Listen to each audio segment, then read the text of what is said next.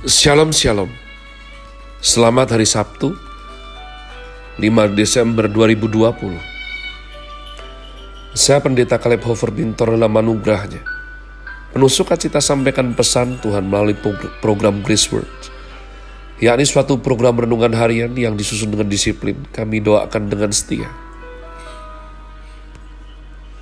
Supaya makin dalam kita beroleh pengertian mengenai iman, pengharapan, dan kasih yang terkandung dalam Kristus Yesus.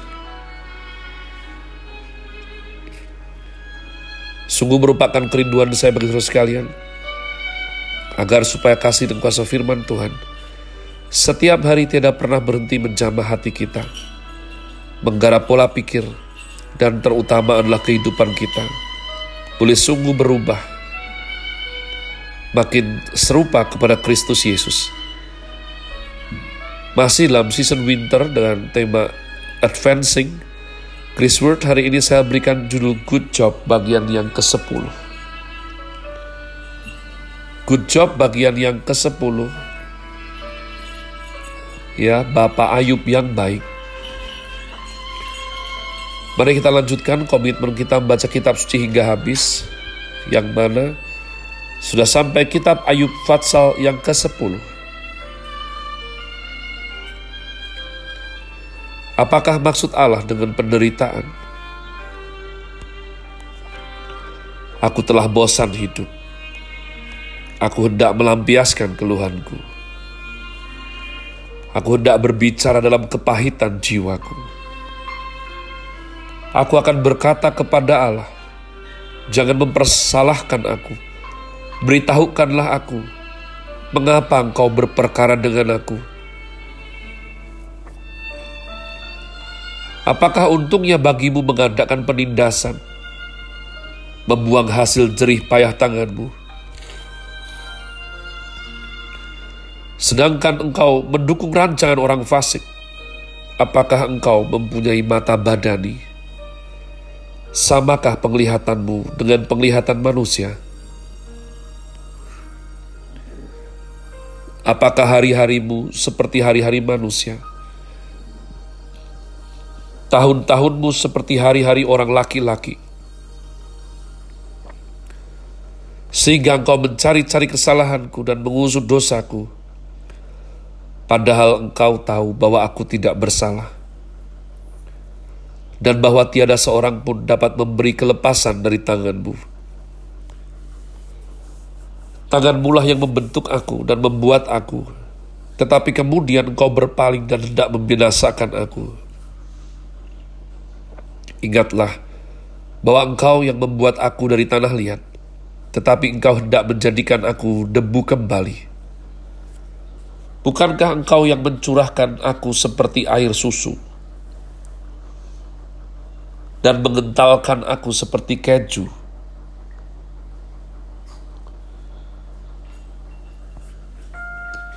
Engkau mengenakan kulit dan daging kepadaku, serta menjalin aku dengan tulang dan urat. Hidup dan kasih karunia kau karuniakan kepadaku, dan pemeliharaanmu menjaga nyawaku. Tetapi inilah yang kau sembunyikan di dalam hatimu. Aku tahu bahwa inilah maksudmu.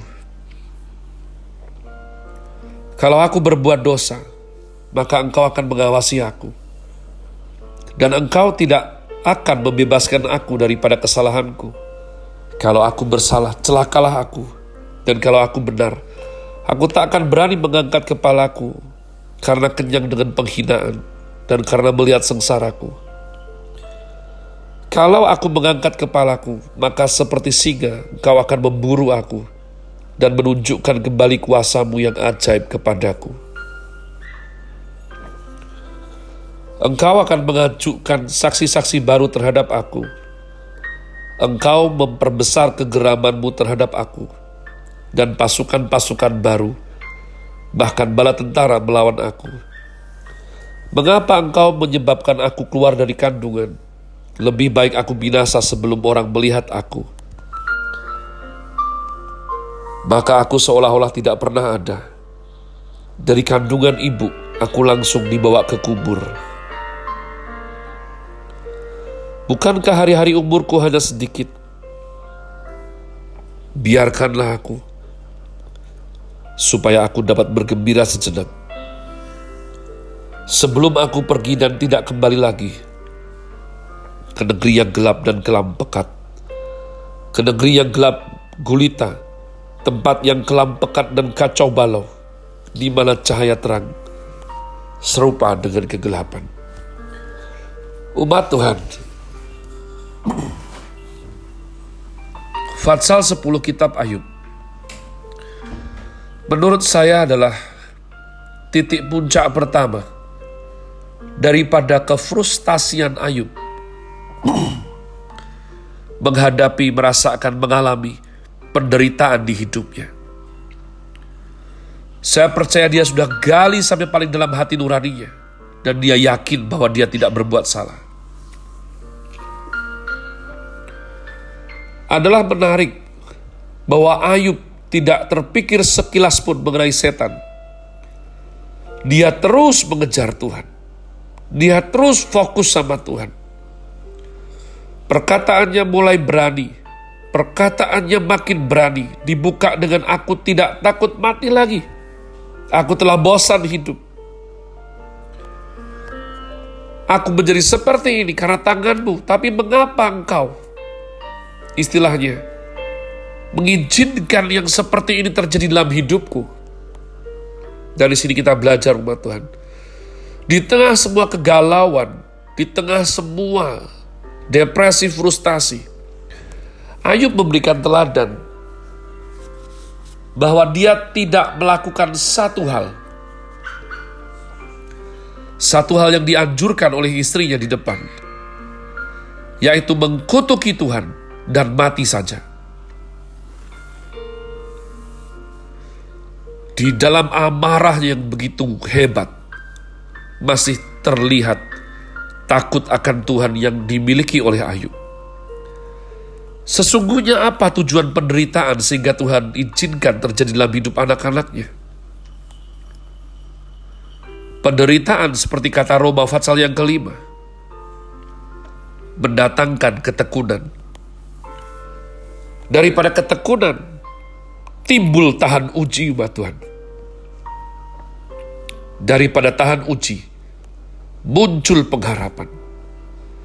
Dan dikatakan pengharapan dalam Kristus Yesus tidak akan sia-sia. Sebab besarnya kasih Allah yang sudah dikaruniakan kepada kita melalui Allah Roh Kudus yang telah diberikannya. Jadi umat Tuhan, fakta bahwa Ayub masih menyala, berapi-api, berdialog dengan sahabatnya, mencari Tuhan, menjerit, berseru, itu semua butuh kekuatan. Orang yang mengalami penderitaan seperti Ayub itu seharusnya sudah tidak punya kekuatan untuk bersuara sekencang itu. Saya percaya Tuhan sedang menyempurnakan daripada iman Bapak Ayub. Saya percaya inilah pembelajaran yang begitu hebat. Sehingga engkau dan aku harus lebih kuat lagi. Di dalam diri Ayub dalam perjanjian lama, tersirat roh seorang putra, roh seorang anak, sehingga dia di dalam penderitaan yang begitu hebat, dia terus mencari kehendak Bapa dalam kehidupannya oleh karena saya mengajak saudara sekalian, apa yang sedang kau alami saat ini, jangan kehilangan semangat. Jangan mau ditipu oleh iblis. Sebab Tuhan menghajar anak-anak yang dikasihinya, menyesah yang dicintainya, supaya engkau dan aku menjadi makin indah, supaya daripada hidupmu dan hidupku timbul ketekunan, lalu tahan uji, lalu pengharapan dalam Kristus Yesus. Have a nice day. Tuhan Yesus memberkati saudara sekalian. Sola Gracia.